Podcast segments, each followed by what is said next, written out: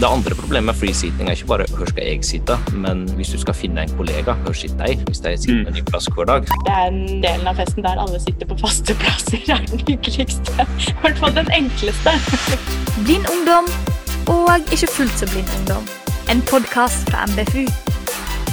Velkommen til en ny episode av Blind ungdom.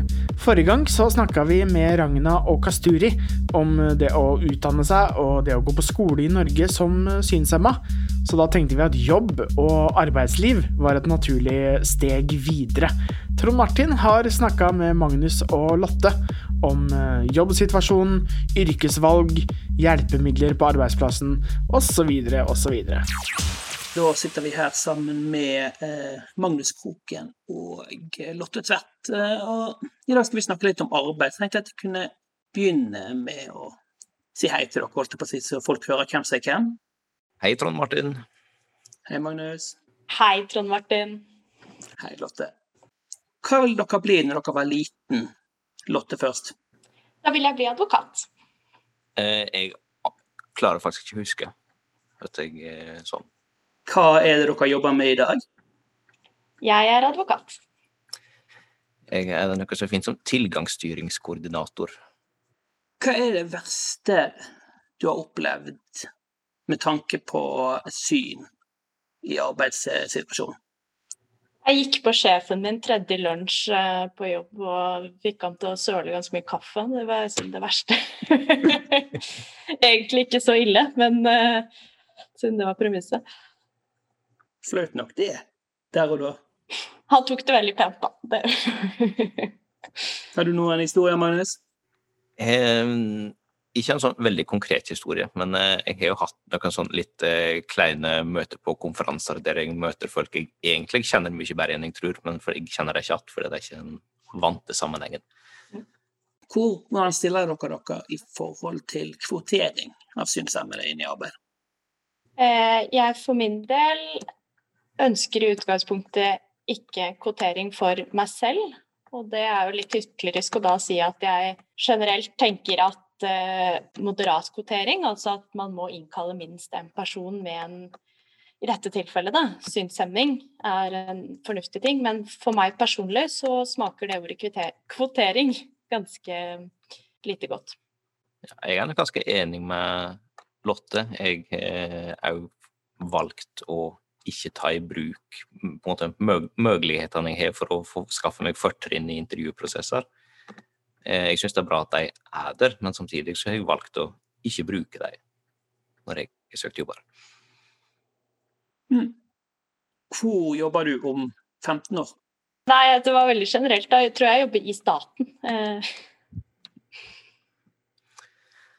Ja, hører jeg bare vet ikke, men jeg jobber nok innen en eller annen plass innen offentlig sektor med digital omstilling, digitalisering, eller men å kalle det om 15 år, det har vi jo fått et nytt ord på siste 15 året, så det kommer sikkert enda et nytt. Men dere tror begge dere er mer eller mindre der dere er i dag, da? På et vis, om 15 år? Skal ikke så langt? Nei, jeg tror ikke jeg skal kjempelangt. Nei, jeg skal nok ikke Jeg skal i hvert fall holde meg innenfor den yrkessektoren. Og så er det jo mye både med Magnus' utdannelse og min utdannelse man kan gjøre, gjøre med. Det tenker jeg jo bare positivt at dere trives godt der dere er, så det høres jo veldig bra ut, egentlig. Helt innledningsvis så glemte jeg å spørre hvor, hvor mye dere ser. Det kan ikke være greit å etablere for lytterne. Du er blind, Lotte, og du er svaksynt, kan vi si det sånn, Magnus? Jeg er svaksynt, og jeg har på en måte Jeg har fullstendig synsfelt og strever med motjus. Jeg har albinisme. Så det er på en måte små, små detaljer, lesing og andre småting jeg strever mest med. Jeg klarer å finne fram i samfunnet. Ja, jeg er eh, født blind og er punktskriftbruker, og finner også frem i samfunnet, men uten bruk av syn. Så du kan ha en ordentlig jobb selv om du er blind, altså? Kommer an på hva du mener med ordentlig. Da. Men du sa at du jobber som advokat, Lotte. Hva er det jobben din går ut på egentlig, og hvor er det du jobber? Mm. Jeg er advokat hos det som heter Regjeringsadvokaten. Det er det veldig få som har hørt om, men vi er statens advokatkontor i alle typer saker som ikke handler om straff. Det betyr at vi jobber med alle saker der staten blir saksøkt, så det er alt fra skattesaker, utlendingssaker, saker om eh, plan og bygg og eh, noen saker man ser mye av i media, andre småting. Så det er et veldig variert eh, arbeidsområde. Og som advokat så er jo da statens litt sånn det klassiske advokatbildet alle har, at jeg går mye i retten og prosederer saker. Men jeg har jo også da rådgivning for klienten min, som da alltid er staten. Og en veldig viktig del av advokatjobben. Det er selvfølgelig veldig kult og gøy å stå i skranken og prosedere, men det er jo også innmari mye jobb før vi kommer dit. Og um, også en del av sakene vi har er uh, internasjonale, så da er det mye skriftlig arbeid, så da får vi ikke lov å stå fysisk i, eh, i retten så ofte. Hvordan er det å stå i retten i forbindelse med det å være blind? Er rettssalen universelt utformet? Ja, eh, jeg tenker at det å stå i retten som blind er jo å gjøre det meste annet uh, som blind for min del. Det er, eh, det er helt vanlig. Jeg uh, tenker at det å være i retten, det er egentlig ganske sånn ganske oversiktlig. Det jeg som blind syns er mest komplisert i arbeidet, det er jo én ting vi sikkert skal komme litt inn på med tilgjengelige mm, IKT-løsninger, men en annen ting er at jeg, jeg syns det er vanskelig å ha oversikt. For Eh, i, ja, i, jobbsituasjoner der det er mange mennesker og mye som skjer. I retten er det ikke sånn. Der har vi det veldig ordnet og skikkelig. Der uh, har vi en rekkefølge på hvem som skal få snakke. og når man snakker selv, så har man ordet. Og da, da, er det ikke sånn at det kan komme noen forstyrrende elementer inn. Så sånn sett så er det en veldig oversiktlig eh, hverdag, samtidig som det da innenfor de ytre rammene så kan det jo skje mye underveis fra motparten og den type ting. Men men akkurat det når man står og snakker i retten, det er et forberedt innlegg. Og det, det tror jeg er veldig likt for meg som, som for andre seende å, å, ha det. Mm. Du Magnus, har du en eh, arbeidsplass og en jobb som eh, funker som synshemmet, og kontorer som er universelt utformet og så videre? Eh, ja, det har jeg. Nå skal det sies at jeg har vært i den jobben i akkurat to uker. Og har vært der tre dager pga. covid-19. Og hjemmekontoret mitt det er utforma akkurat sånn jeg vil ha det. Men uh, av det vesle jeg har sett av uh, plassen der, så er det greit å finne fram. Det er behagelig belysning, ikke bare veldig lyse, trivelige lokaler, som er det moderne kontorlandskapet nå, som er litt frustrerende til tider. Når jeg eh, nå skulle eh, få meg den jobben som jeg har i dag, eh, og drev og søkte på jobber, så drev jeg og tenkte mye fram og tilbake og var usikker på hvorvidt jeg skulle skrive i jobbsøknaden at jeg ser dårlig, med frykt for fordommer hos arbeidsgiver. Hvordan har dere forholdt dere til det? Har dere skrevet i jobbsøknader at dere ser dårlig, og har noen andre sånn opplevelser med jobbsøking og intervju som har vært komplisert? Hva med Magnus? Uh, jeg har hvis, hvis, jeg har skrevet det i søknad, eh, eller på en annen måte vist det fram sånn før et intervju, så har jeg gjort det i en jobb der jeg tenker det er relevant F.eks. hvis jobben i en eller annen grad handler om kompetanse på ja, universell utforming av nettsider og sånn, som jeg er litt interessert i. At jeg, jeg kan jo og har erfaring med bruk av hjelpemiddel, og kan på en måte bidra med mye førstehåndskunnskap på akkurat det. Da har jeg brukt det. Men når jeg har søkt på en stilling der det ikke er relevant, eller der ja, det, det ikke har noe for seg, så har jeg latt det være. Og så har jeg komme inn på det på intervju, for da blir det jo stort sett synlig uansett. Mm. Jeg skriver det alltid, eller har i hvert fall skrevet det alltid til nå. Det har jo litt flere ting. For det første så er det det at, det at jeg er blind og er da i bunnen utdannet jurist, det gjør at jeg kommer alltid til å trenge tilrettelegging, i hvert fall i form av tekniske ting. Og jeg har veldig lyst til å eie det narrativet selv. Jeg har lyst til å, være den, jeg har lyst til å ha utspillet. Og si at uh, jeg er blind. Det skal man være klar over hvis man innkaller meg. Men jeg bruker det også så godt jeg kan. Det er jo alltid utrolig kleint å skrive søknadsbrev til jobber, det tror jeg alle kan skrive under på. Men jeg prøver da å bruke det i positiv forstand og, og vise til at det, hvilke egenskaper det kanskje har gitt meg som jeg ellers ikke ville hatt. Uh, og så er det jo mange som er redd for å skrive det for ikke å bli innkalt til intervju. Og det er klart, det kan skje, og jeg skal ikke si at det ikke skjer. Men da er det jo to sider ved det. Det ene er at jeg tror, i hvert fall fra mitt perspektiv, at det ville blitt oppfattet som ganske ubehagelig fra en arbeidsgiver eh, å skulle ha et intervju hvor det plutselig dukker opp en blind person. Eh, også fordi at da tror jeg mange ville blitt satt ut og ikke helt visst hva man skulle spørre om, og kanskje ikke turte å stille spørsmål som det var veldig viktig å få svar på for den arbeidsgiveren når de skulle vurdere min, mitt kandidatur. Eh, og så er det litt det at hvis det er en arbeidsgiver som tenker at det å ha en blind person er helt utelukket, så vet jeg egentlig ikke om jeg har så veldig lyst til å jobbe der. Det, så jeg har i hvert fall alltid skrevet og har eh, i hvert fall ikke hittil hatt noen negativ erfaring med det. Jeg har blitt ringt av noen arbeidsgivere som har stilt konkrete spørsmål på hvordan jeg kan håndtere det eller det, og jeg har opplevd at vi har fått en, en god dialog som jeg ikke vet om vi ville ha fått uh, hvis ikke. Ja. Mm snakker om arbeidsgiver som eh, skeptisk til å ansette en blind. Bare en liten overgang på det. Eh, for eh, mm, hvordan forholder kollegaene deres seg til at dere er synshemmet? Da jeg begynte der jeg jobber nå, så vet jeg at uh, uken før så ble mine kolleger For har, hver fredag så har vi felles lunsj. Og da får man info det som skal skje. Og da vet jeg at mine kolleger fikk vite av min sjef at uh, på mandag kommer det en uh, blind person som heter Lotte. Hun er ikke kvotert inn, og det at hun er blind, det er ikke relevant.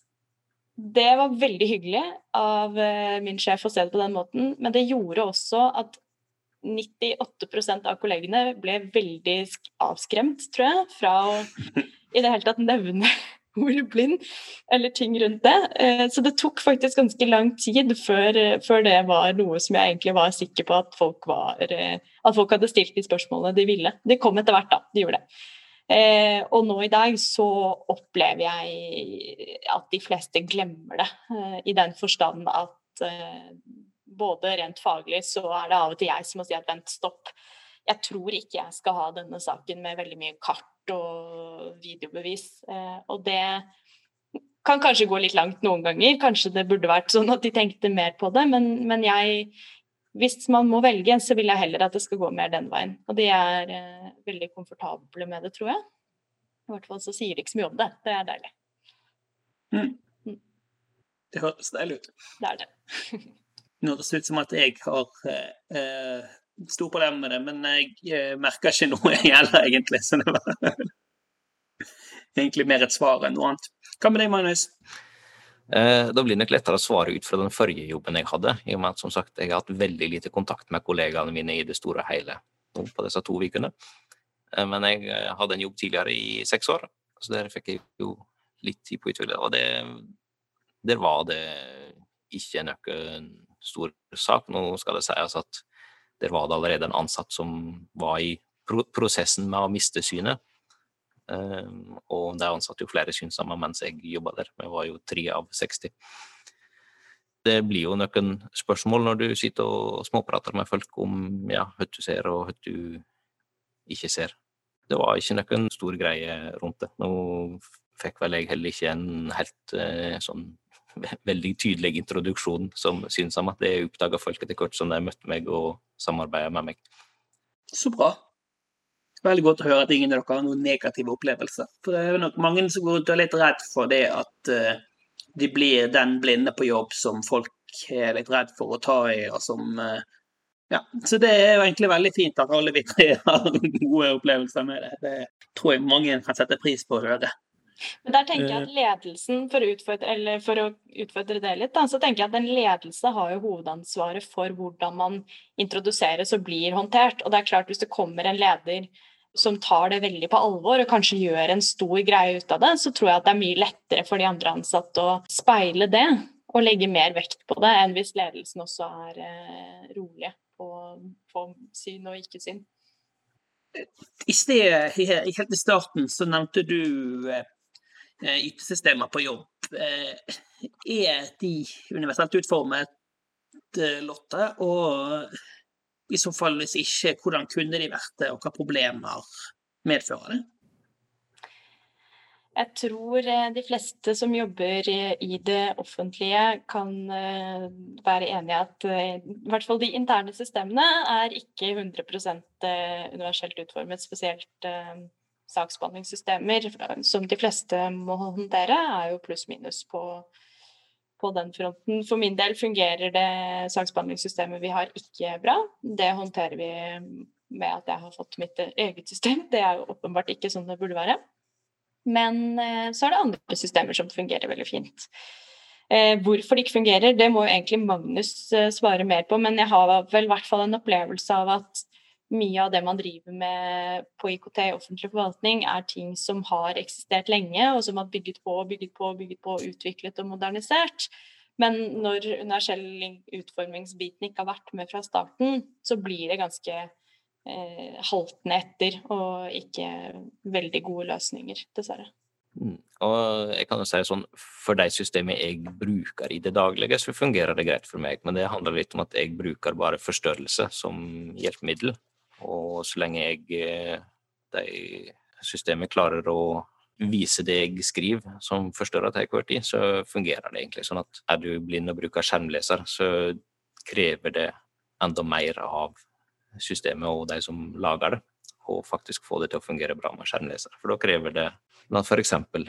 god merking av forskjellige felt. Jeg har jobba med saksbehandlingssystem, sakarkivsystem eh, i noen år. Jeg vet at der er det fryktelig mye merking av dokument og hva slags type det er, og arkivklasse og ting jeg ikke kan noe om, men som jeg bare måtte fylle ut sånn jeg fikk beskjed om. Og jeg klarer å lese de samme merkelappene som seerne leser, men hvis de ikke er tilgjengelige for en skjermleser, så får du ikke tak i dem.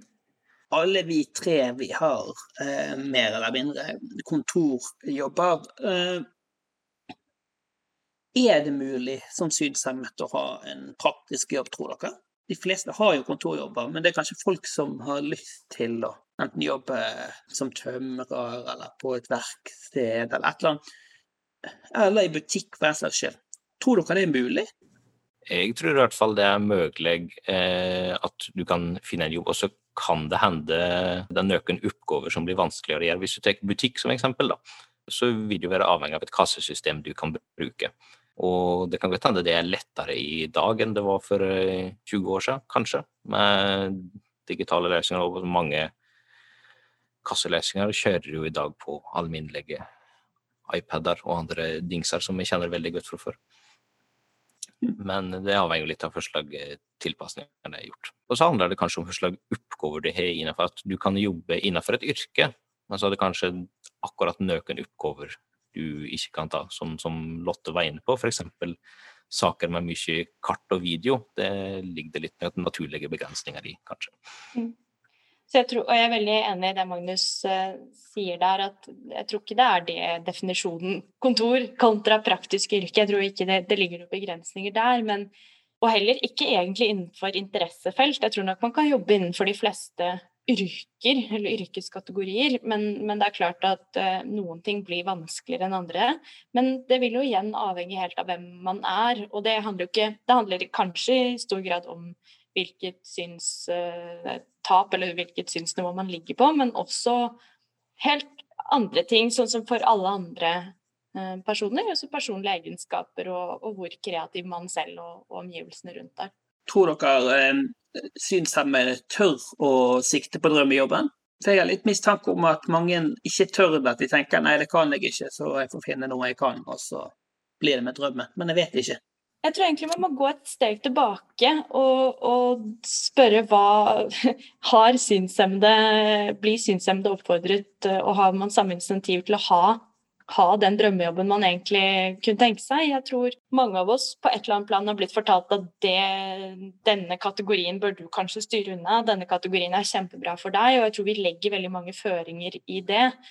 Så jeg tror nok at det er et veldig potensial i å, å få folk til å tørre å, å, ha de drømmene man har. For jeg tror at hvis man faktisk har en, en drømmejobb da, og virkelig har lyst til å jobbe med den, så håper jeg at uh, det gjør at man i hvert fall prøver mer enn hvis det er liksom bare noe man egentlig har veldig lyst til, men som man alltid har fått høre at det, det er utelukket. Jeg kan jo si for min egen del, eh, nå som jeg på en måte har noen år i arbeidslivet og på en måte har litt realistiske forventninger, som ikke handler om syn, men hva som er en jobb du faktisk kan ha. Eh, og som ikke bare er på en måte å få betalt for å ha det kjempemoro hele dagen. Jeg har det jo moro, men eh, det blir som regel noe, noe ordentlig de må gjøre. Jeg føler at på en måte eh, den jobben jeg har akkurat nå, er en jobb jeg er veldig begeistra for og ser som tilnærma drømmejobb akkurat nå. Men det er jo noe med det å rett og slett tenke litt kanskje mer drømmeretning. Og så finnes det som regel mange jobber innenfor eh, retninger eller fag eller disipliner, vet du hva vi kaller det. Der du kan finne en jobb som passer for deg, og med litt, eh, litt tilrettelegging, så kan det bli en helt fullkommen jobb. Så bra. Jeg er egentlig veldig enig med begge to der, så jeg har ikke noe tilføye. Hva hjelpemidler bruker du på jobb, eh, Lotte? Du har jo nevnt at du bare bruker Zoom, Magnus. Men uh, har du mange hjelpemidler du bruker, eller? Nei. Jeg bruker leselist uh, hver dag, og syntetisk tale hver dag. Og uh, det er jo så snobbete i hos regjeringsadvokaten at jeg har ikke noe lesesekretærhjelp. Nei, vi har egne advokatsekretærer, alle mann. Så, så advokatsekretæren min, hun bruker bieskanner. Eh, det gjør hun for alle. Vi, vi, har alle kun digitale dokumenter nå. Men det er nok eh, Altså, det, det, er det viktigste for meg, er jo å få dokumenter skannet inn, OCR-behandlet, sånn at man får lest det som bokstaver og tegn, og ikke som bilder. Og så da leseliste og tale for å få lest det. Og når det er på plass, så er det veldig lite egentlig som skiller min, min arbeidshverdag fra andre advokater. Mm. Til de av lytterne som ikke sjøl har et synstap, jeg eh, har lyst til å fortelle hva skjermleser og leselist er for noe? Ja, En skjermleser er et program som eh, Og nå må Magnus hjelpe meg. Som bidrar til å oversette, for å si det litt enkelt, det som er på skjerm, til andre formater. Det kan da komme enten i form av at man får en talesyntese, litt samme type stemme som Siri, bare at denne talen kun leser det som står på skjermen høyt. Og da kan man selv velge hvor fort eller sakte det skal gå. Og eh, hvis man ønsker det, til en leselist som er en, rett og slett en liten skjerm. Det ser ut som sist jeg hørte, at det ser ut som et lite keyboard uten tangenter, men da hvor eh, teksten på skjermen kommer opp i punktskrift eller blindeskrift. da. Ja, jeg syns det var en ganske god forklaring. Hvis jeg skal prøve å hjelpe Lotte, så handler, handler, det jo rett og slett om som sagt, å forklare det som er på skjermen på en måte som gjør at du kan få tak i det, og ikke bare lese teksten, men òg strukturen. Finne ut hva er en knapp, og hva er en liste. og på en måte vi, vi, ser det intuitivt som en knapp, for det har en ramme rundt seg og kanskje en farge, så det er laga som noe du trykker på. Men uh, en skjermleser må da formidle at det er en knapp, f.eks. Mm. Det høres jo helt fantastisk ut at alt skal være digitalt på jobben din, Lotte. Eh, det var vel mer kronglete før, går jeg ut ifra. Absolutt. Eh, så eh, takk til Norges domstoler, som er, er, er, veldig moderne. Det er jo det som er fine med moderne hjelpemidler, at um, det meste går så lenge det er digitalt. Det er jo ekstremt fint, med tanke på at alt skal digitaliseres nå. Og digitaliseres. Men vi snakket litt om å finne fram på jobb og sånn tidligere. Sitter dere, når dere ikke er på hjemmekontor, eh, sitter dere i, på egne kontor eller i et åpent kontorlandskap? Ja, advokatstanden, vi er konservative sjeler alle mann, så vi har eh, cellekontorer. Og det er jeg veldig glad for. Ikke bare synsmessig, men rent uh, personlighetsmessig. Det å kunne lukke døren og lukke ut støy og andre mennesker, det setter i hvert fall jeg veldig stor pris på i den jobben jeg er nå, så har de kontorlandskap. Og det har eh, Nå har det omtrent ikke vært folk der de få dagene jeg har vært der, så jeg har ikke helt fengt prøvd det i full drift. Men jeg har jo sett det i kontorlandskap eh, tidligere. Og da heldigvis det var snakk om å innføre free seating. Dit kom vi aldri, det var faste plasser. Eh, jeg hadde uansett kommet til å fenge en fast plass, bare for jeg helt, om jeg bruker bare forstørrelse, så har jeg litt ekstra utstyr for å montere skjermene mine på en praktisk måte, som må festes i pulten. Og de kan jeg ikke bære med meg. Det andre problemet med free seating er ikke bare hvor skal jeg sitte, men hvis du skal finne en kollega, hvor sitter de? Hvis de sitter på en ny plass hver dag, så blir det veldig tungvint. Så det er nok eh, det jeg tenker mest på rundt kontorlandskap. Jeg, jeg skal, kan alltid klare å argumentere for å få en fast plass i et free seating-landskap, fordi jeg trenger det både litt pga. spesialutstyr, men òg pga. Eh, belysning. At jeg må ha en plass som ikke er midt i sola, f.eks. Mm. Og det tenker jeg at så lenge man eh, Nå banker jeg ikke i bordet, for det ødelegger opptaket, men banker i bordet forhåpentligvis ikke havner i den situasjonen. Men så lenge man, man har, eh, får en fast plass selv, så tror jeg nok at kontorlandskap skal gå fint, enten man ser litt eller ingenting. Men det som eh, jeg heldigvis ikke har opplevd, men som jeg vet at andre har opplevd, det er jo at man ikke bare får en fast plass, men man får en fast plass inne på et kontor, eller litt langt borte fra de andre. Eh, og det tenker jeg at vil være en ganske uheldig situasjon, hvor man blir den ene som sitter inne på det spesialrommet. Det smaker litt av å være på skolen og måtte gå ut på grupperom for å ha matte, geometri eller noe sånt. Ja, det er jeg veldig, jeg er veldig enig i. Det å, eh, om du får litt tilrettelegging, prøve å ikke bli skille mer ut enn nødvendig, da. Og spesielt i akkurat den eh, kontorlandskap, cellekontordiskusjonen, der eh, cellekontoret blir en sånn luksusgreie, oppfattes som. Nei, for det er jo veldig viktig å tenke på for synshemmede at dere har lov til å si fra at selv om frisitting, så bare ja, men jeg trenger en fast plass, og det er egentlig veldig fint å bare en fast plass. Det er ikke flaut, og det er fullt lov. Og det er egentlig litt viktig for å fungere på jobb, tenker jeg. Eh, og som i hvert fall for min del, det å, det å gå inn i et stort rom, skulle lete etter én person og blant hundre, og kanskje de hundre ikke engang sitter og snakker, for de sitter og jobber, det hadde i hvert fall jeg syntes var veldig vanskelig. Så det å da finne en, en god ordning på at folk jeg vet ikke hvordan man kunne ordne det, men i hvert fall ha et fast system der man kan finne folk på andre måter enn kanskje å gå bort til dem, enten ved at man har Teams på jobb, eller kan sende en mail eller et eller annet sånt noe for å ikke føle seg helt fortapt. Mm. Eh, apropos det å finne fram og vite hvor andre kolleger er og hvem som er der. Altså.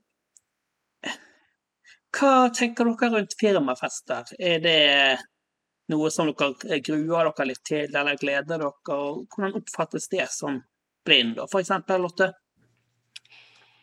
Eh, ja, dette har jo også med personlighet å gjøre. Eh, men jeg eh, tror nok jeg snakker for eh, brorparten av folk som i hvert fall er helt blinde, at eh, er delen av festen der alle sitter på faste plasser, er den hyggeligste. I hvert fall den enkleste.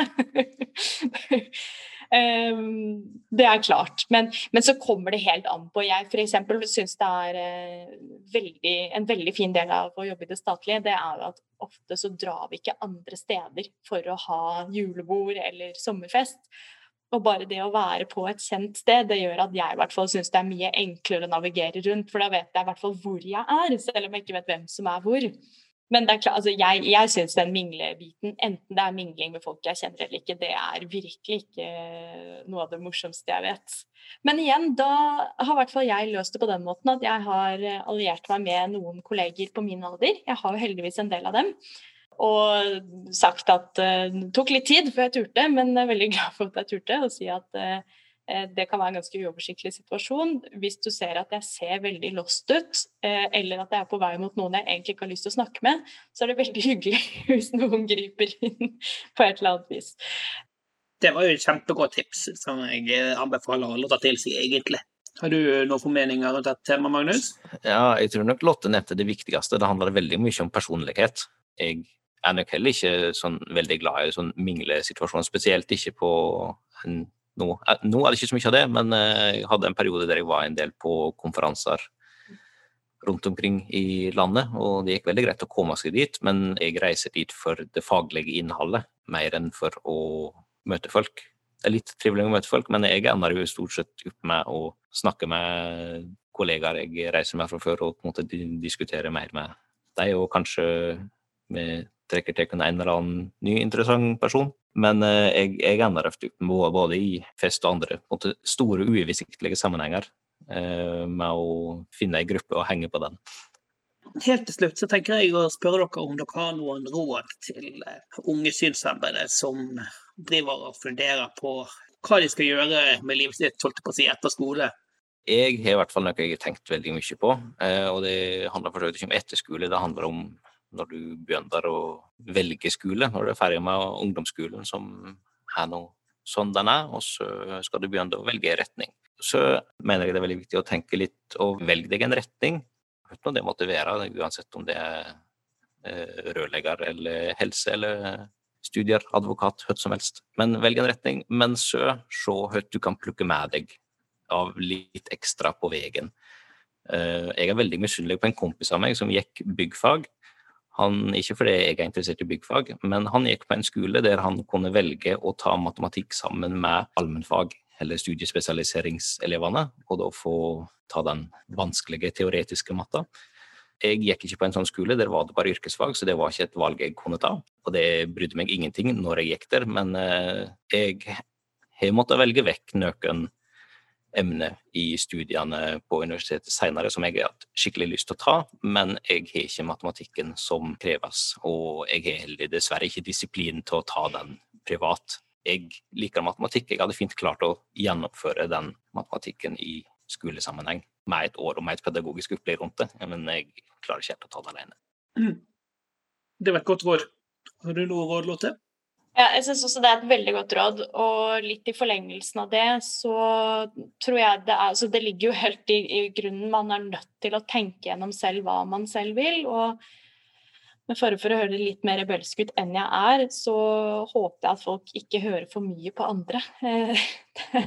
Det er åpenbart klokt å høre på andre til en viss grad, men, men det er eh, bare den enkelte som kjenner seg selv.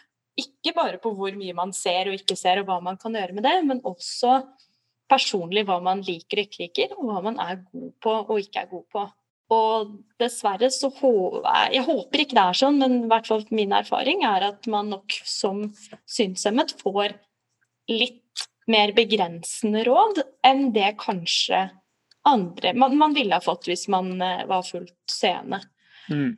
Og så tror jeg at Eh, litt som Magnus sier, at eh, bruk tiden på å gjøre det du vil, men prøv å gjøre det på en sånn måte at man ikke kjører seg helt inn i det snevreste sporet. Jeg har òg et råd sjøl òg, og det er ta deg tid og hør på deg sjøl. Både i forhold til hva du vil, men òg i forhold til hva du er klar for der og da. Så hør på deg sjøl og ta deg tid, i tillegg til de rådene. Så tror du kommer langt inn for det du vil egentlig både som synshemmet, men òg som scene som skal finne ut hva han skal bli. Og det sa Trond Martin, som har intervjua Lotte og Magnus. Tusen takk til alle tre for at dere har eh, stilt opp i eh, episoden. Det var veldig spennende å høre på. Abonner på oss hvis du ikke har gjort det. Da får du beskjed når neste episode kommer. Og så håper jeg du følger oss på både Instagram og Facebook. Der heter vi Norges Blindeforbunds Ungdom. Du har hørt Blind ungdom, en podkast produsert av Norges Blindeforbunds Ungdom med støtte fra LNU.